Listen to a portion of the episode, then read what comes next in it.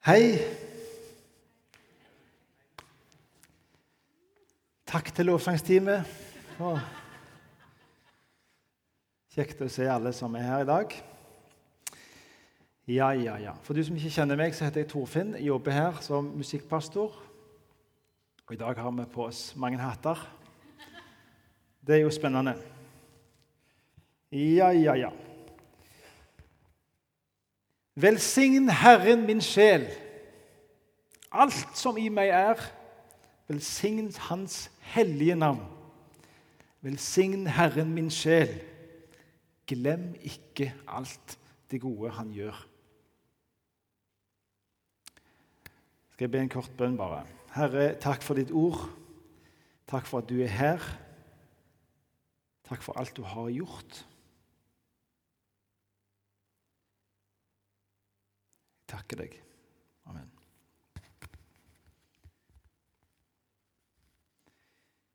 Jeg vet ikke hvordan ditt liv er eller har vært, eller hvor du er i din trosreise. Men vi har en liten taleserie om tro. Vi kan tro på mange ting. Jeg tror, jeg tror på sommeren, kanskje. Eller jeg tror det skal bli sol i morgen. Men jeg har veldig tvil om det egentlig. Jeg tenker meg om. Men eh, jeg tror jeg skal få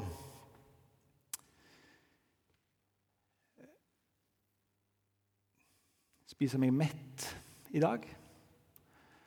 Og så eh, tror jeg at jeg eh, ikke er alene i livet mitt. Um, og så tror jeg på Gud. At han er den som er aller nærmest når jeg føler det minst. For når Gud skapte mennesket, så står det at han blåste pust i nesen til Adam. står det. Og Hva er det som skjer hver gang et barn blir født og det kommer ut av morslivet? Så blir det pusta livspust i han. Det er et under som er så stort at vi kan ikke forstå det. Hvordan i all videste verden skal det bare plutselig begynne å funke og puste? Det, for meg er det ufattelig underlig at Gud blåser liv i nesen på barna når de kommer ut. Og så fortsetter vi jo bare å trekke inn pusten og blåse ut det som Gud satte i gang. For Jeg tror ikke det er sånn at Gud blåste liv i Adams nese, og så satte han seg godt ned og tenkte nå får de bare liksom leve på. Hvis Gud hadde gjort det, så hadde det blitt med det ene pustet til Adam. Men han har skapt oss. Mennesket har ikke klart å reprodusere en eneste levende celle. Det er Gud, skaperen, som holder liv i det. Det tror jeg på. Og så vet jeg ikke hva du tror på, men eh, Kanskje det er for ulogisk, vil du si. Eller dette blir for eh, eventyraktig. Eh, og Det tenkte jeg i grunnen jeg sjøl òg, i mange år. Og når jeg var 15 år, så tenkte jeg at eh, nei, jeg gidder ikke mer. Så sa jeg det til en voksen mann at eh, hvis ikke det er noe mer i denne troa enn denne vakre fortellingen, så vet jeg ikke om jeg orker å tro på det. Og så sa han Jeg vet ikke hva han heter, hvem det var, men eh, han la en hånd på, på meg, og så ba han for meg. Noen av dere har sikkert hørt meg fortelle dette før. Men da ba han for meg. Og da begynte jeg å grine. Og jeg grein og grein og grein. Og kjente inni meg at uh, dette er sant. Gud er faktisk levende. Det tror jeg på.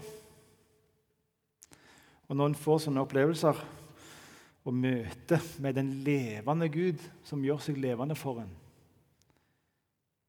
så kan jeg si at eh, jeg vet hva jeg tror på. Og Det høres skråsikkert ut. Men på én side så vet jeg det, og i neste øyeblikk så vet jeg ikke hva jeg tror på. Så kommer tvilen. Og Tvilen og troen går litt sånn hånd i hånd. Og det er greit.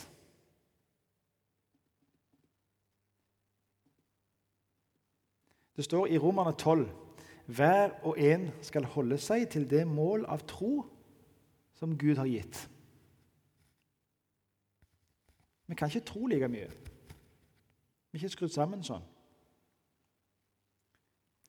I Efeserne står det For av nåde er dere frelst ved troen, og det er ikke av dere selv. Det er en Guds gave. Så vi kan ikke gå rundt og tro alt vi kan. For troen ble gitt oss. Vi kan ikke liksom Nå skal jeg tro så sykt mye mer. Ja, det går an å si et valg. Ja, jeg vil tro.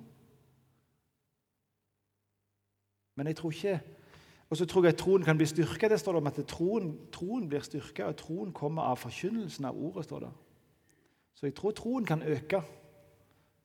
Men jeg tror ikke det er så lett å ta seg sammen og skulle tro så mye mer. Heldigvis så valgte Jesus ut tolv enkle mannfolk. Og jeg er glad det er mannfolk og ikke damer. Og det er fordi at eh, hvis det, siden det er mannfolk, så er det tolv enkle sjeler. Eh, og, og, det er ingenting vondt om det. Eh, men vi mannfolk er av og til, eller ganske ofte egentlig, ganske enkle. Eh, og så valgte han ut tolv helt forskjellige. Peter som var liksom bare tro og liksom Kjør på. ja, 'Jeg skal gå gjennom ild og vann for deg. Jeg skal, jeg skal dø med deg.' og liksom Helt der. Og så har du de andre som du ikke hører så mye om, som er litt mer stille. Som kanskje sto litt på avstand og, og betrakta når Jesus eh, holdt på og gikk rundt og gjorde ting. Og så har du Thomas, da, som vi her i denne delen av verden tenker at det, det er jo han der som tvilte, liksom. Thomas ble jo egentlig kalt tvillingen. Det var det han var kjent for. Han var en av tvillingene til Diodymos eller noe sånt. Det. Men så har han jo en episode der når Jesus har stått opp for de døde, og Thomas bare Aldri i verden! Det gidder jeg ikke tro på. Jo, det er sant, sier Maria. De andre disiplene. Thomas, han har stått opp. Det er fakta. Jeg så ham. Ja, det er helt liksom der ute, men det, det er sant. Og, og, og, de vet ikke hva de skal si. De blir litt sånn Hallo! Og Thomas bare Nei, søren heller om det gidder jeg å tro på.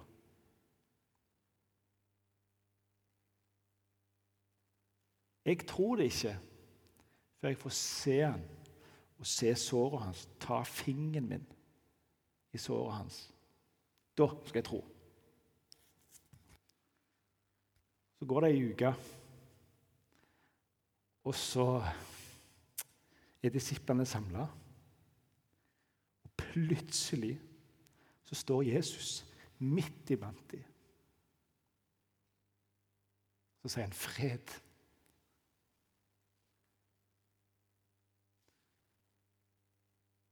Har du noen gang kommet inn i et hus der det nettopp har vært en sinnssyk krangel Da kan du nesten kjenne inni deg Her var det yggen stemning nå. Skjønner du? På den motsatte sida har du Jesus som kommer og sier fred. Og Da bare vet du at ah, alt er fint. Alt er greit. Når Gud kommer med sin fred, da kan det bare være med alt i hele verden. For det er liksom Du kan puste med magen. Og så sier han, står disiplene der, og de, de blir nok sikkert satt ut. Og så blir det sånn Åh, du er her, liksom.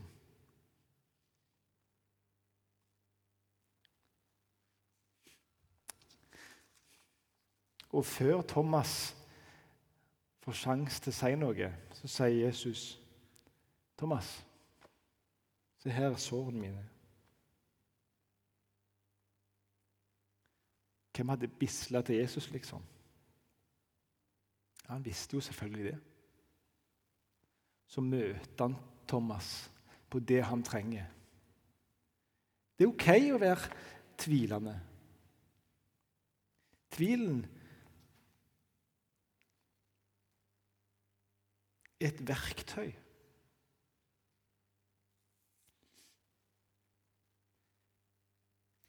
Det å stille spørsmål og være skeptisk kan være nødvendig og nyttig. Og det står om at tro, Hvis troa er som et sennepsfrø Det er så lite at du får over 700 frø tror jeg, på ett gram.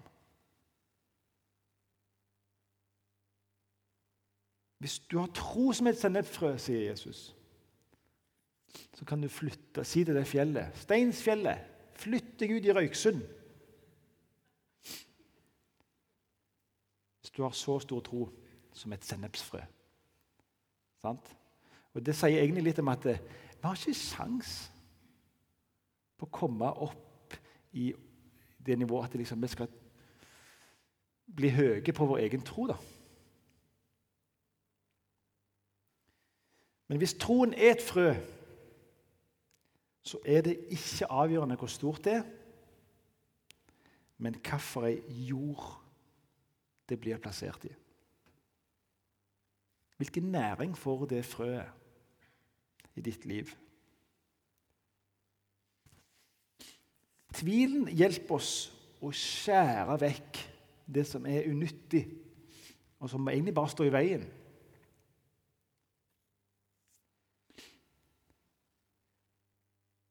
Det skjærer frem, og til slutt så kommer du frem til det som er ekte, og som holder.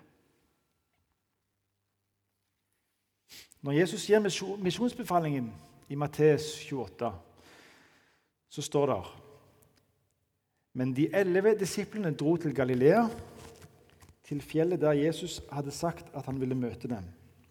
Og da de fikk se ham, falt de ned og tilba ham. Men noen tvilte. Da trådte Jesus fram og talte. Jeg har fått all makt i himmel og på jord. Gå derfor og gjør alle folk til mine disipler, osv.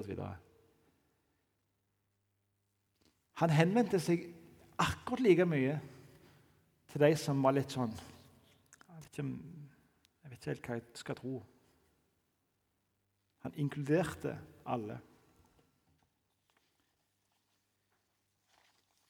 I Hebreerne 11 så står det et heftig kapittel som kalles for troskapitlet. Kapittel 11. Jeg skal bare lese noen utdrag fra det. Troen er et pant på det vi håper, et bevis for det vi ikke ser. I tro fikk Noah varsel om det som ennå ikke var synlig. I tro var Abraham lydig da han ble kalt, så han dro ut til et land som han skulle få i arv. Han dro av sted uten å vite hvor han kom. Hvor mange ganger skal ikke vi ha hele planen foran oss før vi skal ta et valg? Hvis sånn, så sånn, så sånn. Ok, da velger vi den. Da går vi der. Og så går vi. Når var sist du hadde en innskytelse eller en tanke om at jeg tror egentlig jeg må velge det, men da aner jeg ikke hva som vil skje? Og så går vi i blinde, liksom. Jeg tror det er her. Så kommer en til andre enden, og så snubler en litt, og så kommer en fram, og så bare Yes!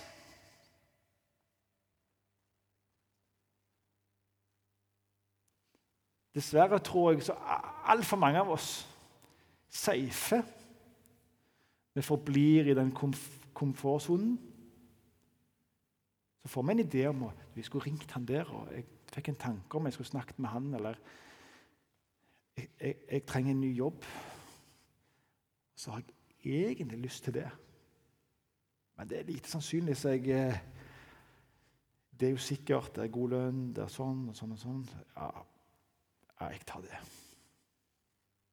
Mens hjertet egentlig var borti der.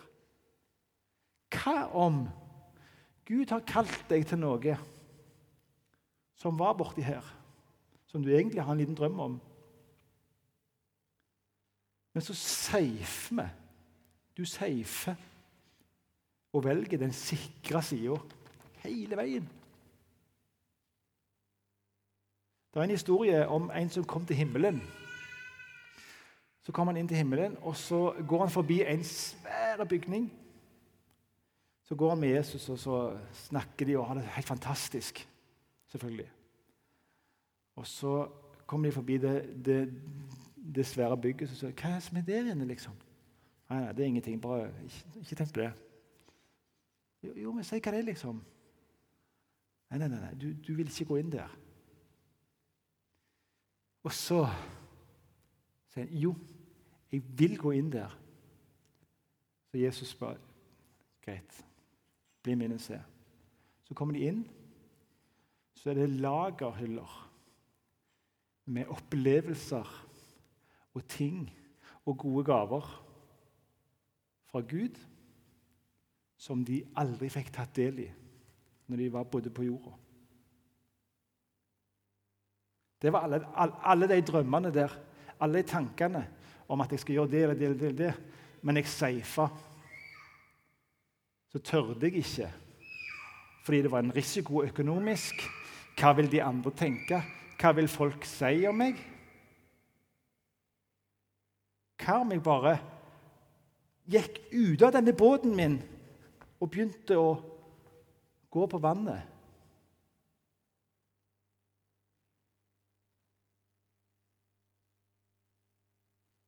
Alle vil gå på vannet, men det er ingen som går ut av båten.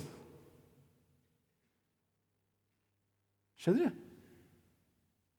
Og jeg snakker til meg sjøl.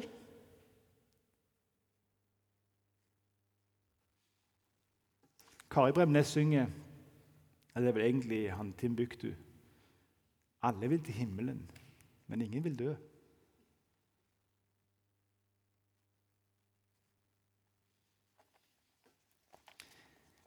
I tro fikk også Sara, det var kona til Abraham, kraft til å grunnlegge en ett, enda hun var ufruktbar og for gammel til å være barn. Hun var 90. Sara bare lo, står der når hun hørte at hun skulle få barn. Ha, ha, ha. Men Gud hadde sagt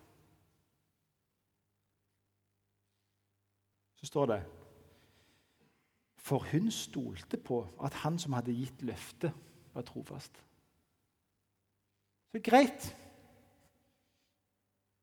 Da får vi prøve. Og historien kjenner dere. Det ble ett så tallrik som stjernene på himmelen.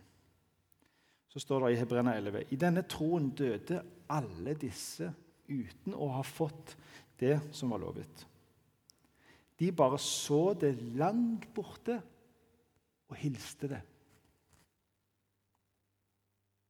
Og de bekjente at de er fremmede og hjemløse.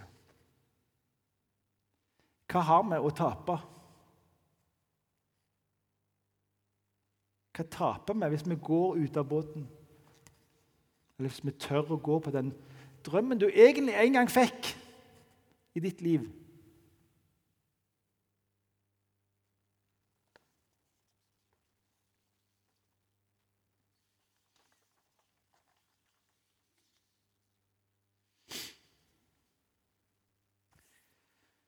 Når jeg var student i Oslo, og etter den opplevelsen min da jeg var 14-15 år, hvor jeg følte at eh, Gud ble levende for meg Og jeg grein eh, ganske ofte hver gang navnet Jesus ble nevnt.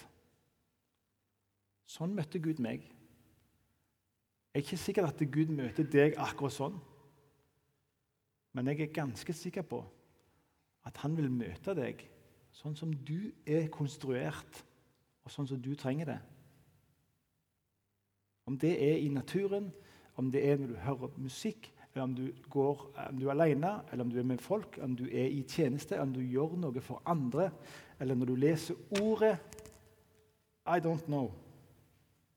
Men en eller annen vei inn til ditt hjerte har Gud. Og Hvis du ikke vet hva vei det er, så må du si til Gud Vis deg for meg. Så jeg skjønner at det er sant.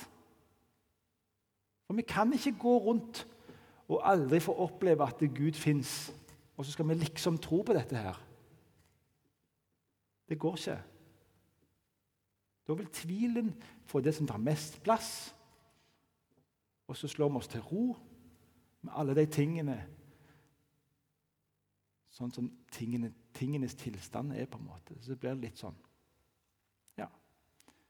Sånn ble livet.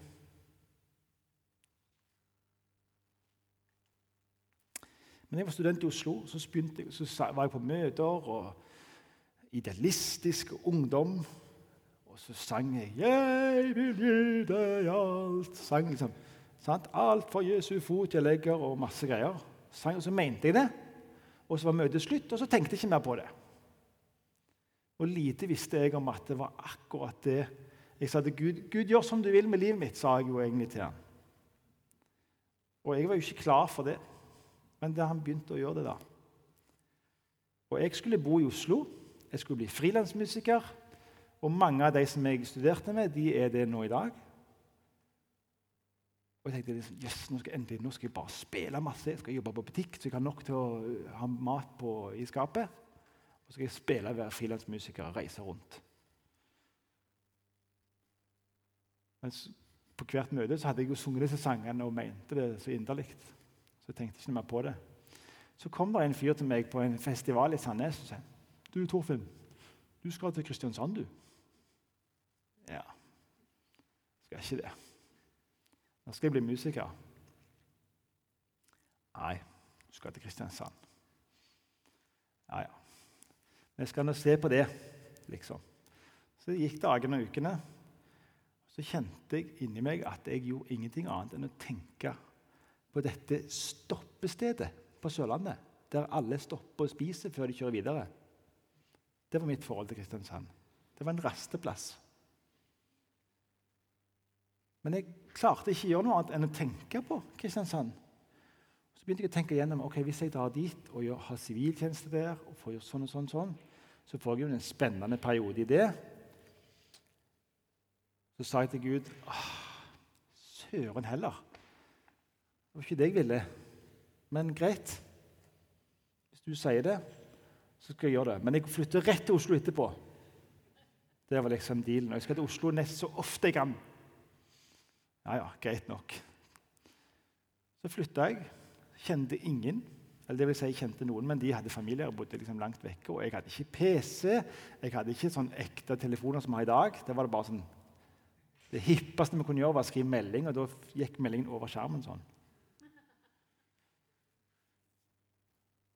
Og Der satt jeg. at ingen venner, ingen underholdning, hadde ikke TV, ikke data. Og min mobil med SMS. Men hvem skulle jeg skrive melding til? liksom? Satt jeg der, så hadde jeg et lite rom. Senga, der satt jeg i stolen, men jeg kunne ta i senga, så kunne jeg ta i, i bokhylla mi. Klesskapet der. Så jeg bøyde meg opp, så kunne jeg ta i døra og sånn.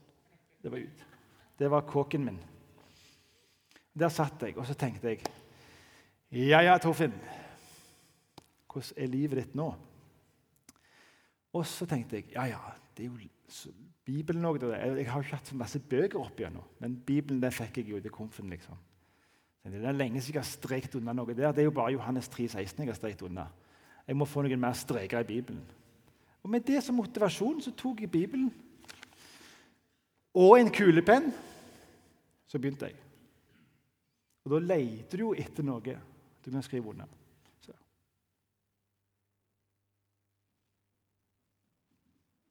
Nei da. Ja, det er bra. Bang! så hadde det gått to-tre timer. Og jeg hadde opplevd at Guds ord ble levende for meg. Jeg så for meg alt det som sto. Jeg følte jeg gikk på de støvete veiene og var førstehåndsvitne til det som skjedde. Plutselig så skjønner jeg bare liksom Herlighet. Du taler jo til meg gjennom bokstavene her. Og så fikk jeg en periode i livet hvor jeg ikke var med så mye folk, iallfall i starten, men hvor jeg plutselig begynte å lese masse i Bibelen. Så kjente jeg inni meg at nå ble troen min bestyrka. Og det ordet der var jo til meg.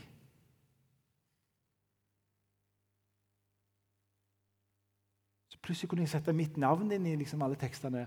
Plutselig skjønte jeg at det, det er jo mitt liv, det her det er snakk om. Det er ikke bare en støvete gammel historie, men plutselig så ble jeg liksom alive.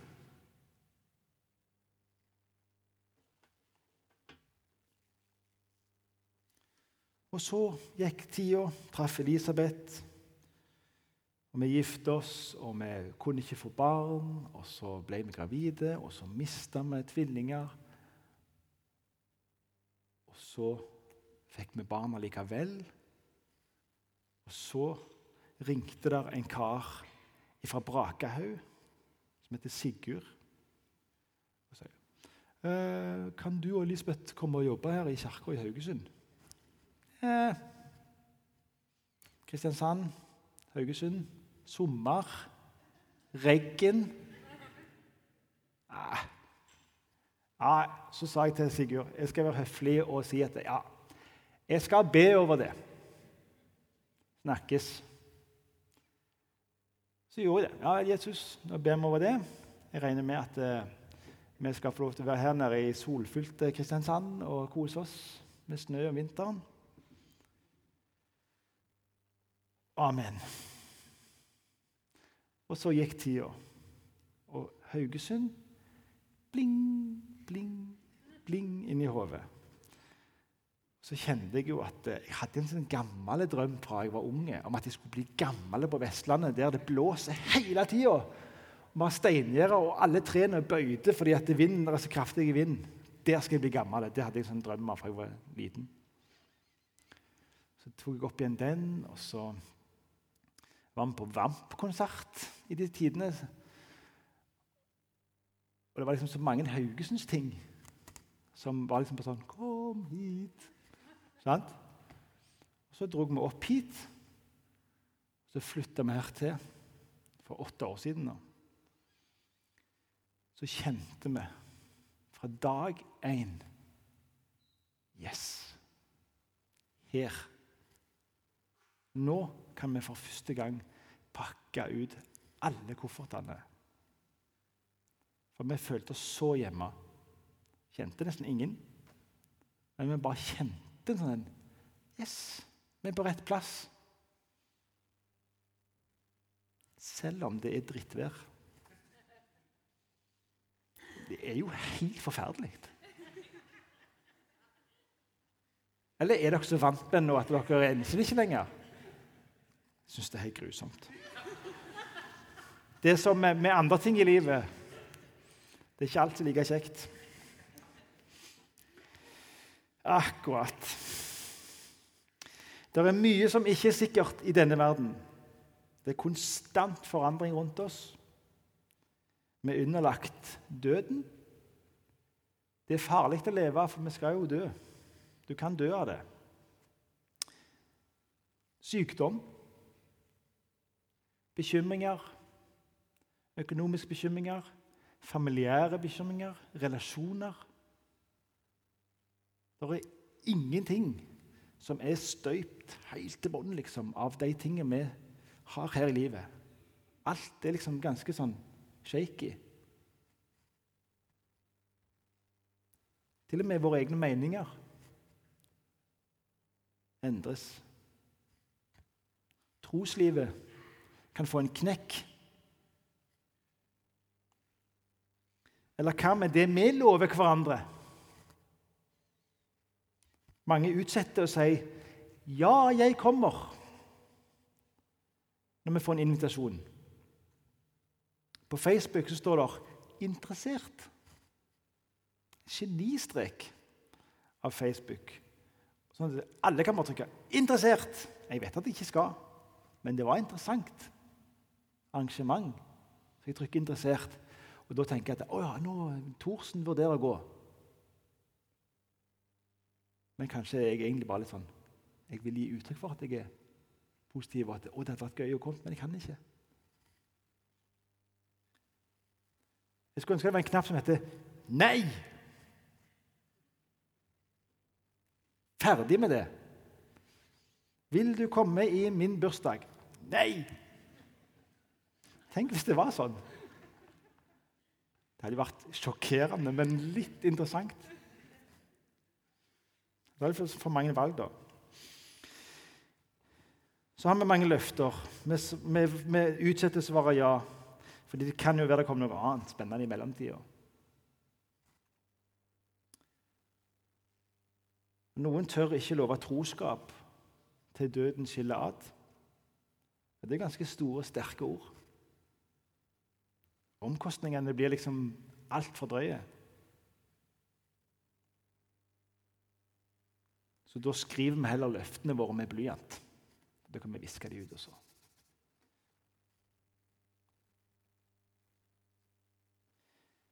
Men av alle disse her forgjengelige tingene i livet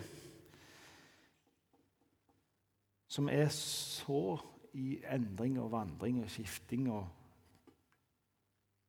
Så er det én ting som ikke endrer seg. Og det er Gud.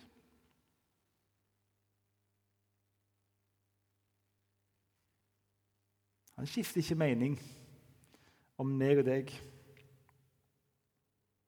Hans plan endres ikke alt etter hvordan vi oppfører oss. Jeg lovte jo å leve hele livet mitt med deg. Men siden du gjorde sånn og sånn, så vil jeg ikke det lenger. Gud er ikke sånn. Vi mennesker er sånn. Men Gud er ikke sånn. Hvis du tenker deg godt om, så er det helt drøyt.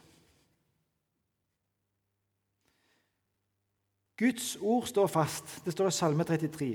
Herrens råd står fast for alltid. Hans hjertes planer fra slekt til slekt. Salmenes bok i Bibelen, ca. midt i, er fulle av Guds trofasthet, av løfter. Og I Nytestamentet så skriver Paulus for så mange som Guds løfter er, i Jesus har de fått sitt ja og amen. Skjønner du hva det betyr? I Jesus har alle Guds løfter blitt oppfylt. Det har fått sitt ja, amen. Det er ferdig. Jesus har fulgt opp loven, de ti bud, som mange siterer. Jesus har oppfylt. Jesus har alle løftene for sitt ja amen. Så hvis du lurer på hvem Gud er, hvordan kan jeg forholde meg til Han, så må du se på Jesus og på det han gjorde. For han skrev ikke med blyant. Han skrev med sitt eget blod. Og det kan ikke du viske ut. Men du kan velge å si jeg respekterer det, men jeg tror ikke på det. Det er greit. Men han skrev med blod, og det betyr at vi har ingenting å komme med. Det som Sten Sørensen sa, en, en prest der inne her Han skulle forrette nattverd. Så står han Nattverdsbordet, det er ikke noe spleiselag. Her har vi ingenting å stille opp med. Jesus står for hele greia. Ingenting.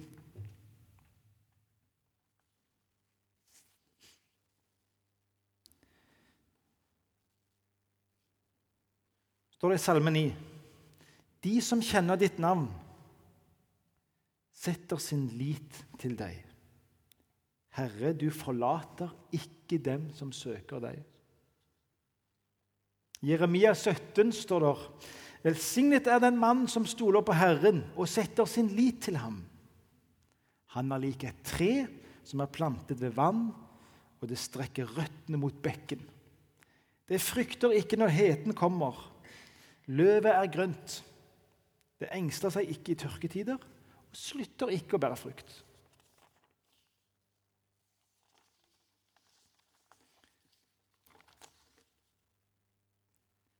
I ordspråkene der er det for så vidt 31 kapitler. Det er ett kapittel til dagen.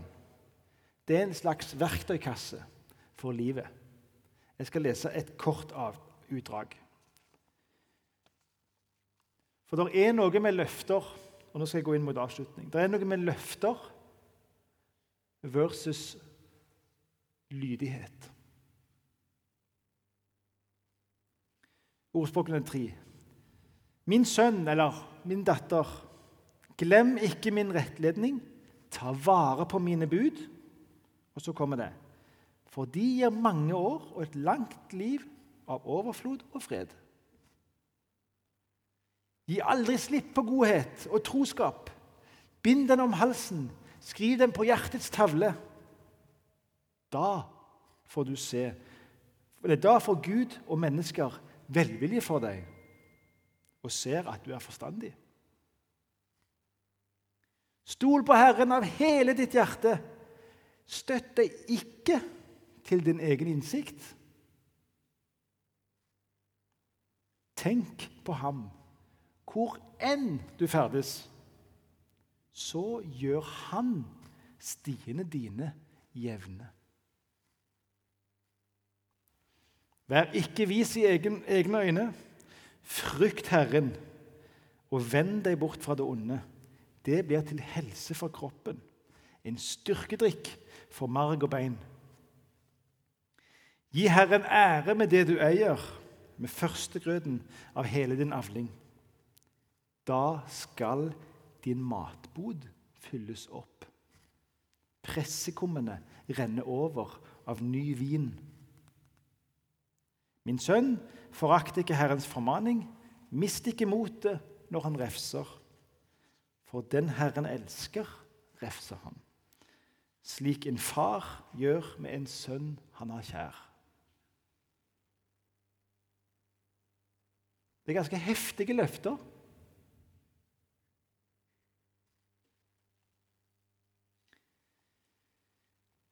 Så Hva gjør du? Hvem henvender du deg til når livet blir tøft, eller når du står overfor viktige valg? Hvem spør du om råd?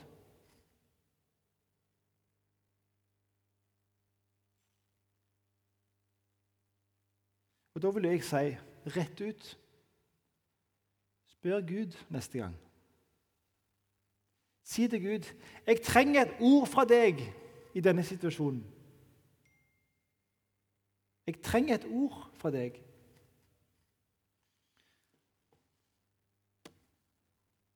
Da nytter det ikke at denne boka bare ligger i bokhylla si. Hvordan skal Gud kunne gi deg et ord hvis det eneste ordet du kan, er i begynnelsen skapte Gud himmelen og jorden? Det er ikke et bibelvers kanskje som du trenger inn i en situasjon. Kanskje det er det for alt i verden. Men hvis du vil bli minnet om et ord, ja, da må du fylle deg med ord, sånn at du kan bli minnet om ord. Noen ganger så minner Gud oss om Les Salme 20. Les Salme 20. Salme 20, Det var merkelig. Ja, ja. Les Salme 20. Så kommer vi til Salme 20. Så står det Oi, det var rett inn i mitt liv.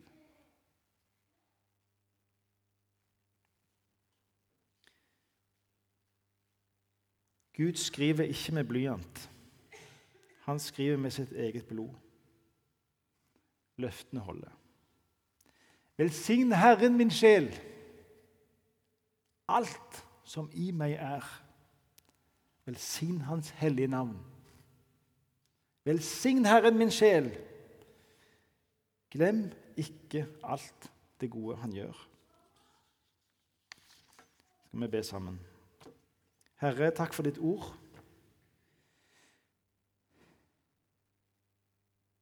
Takk for at det er levende og det virker kraftig. Og Jesus, jeg ber om at du skal hjelpe oss å søke deg med hele oss.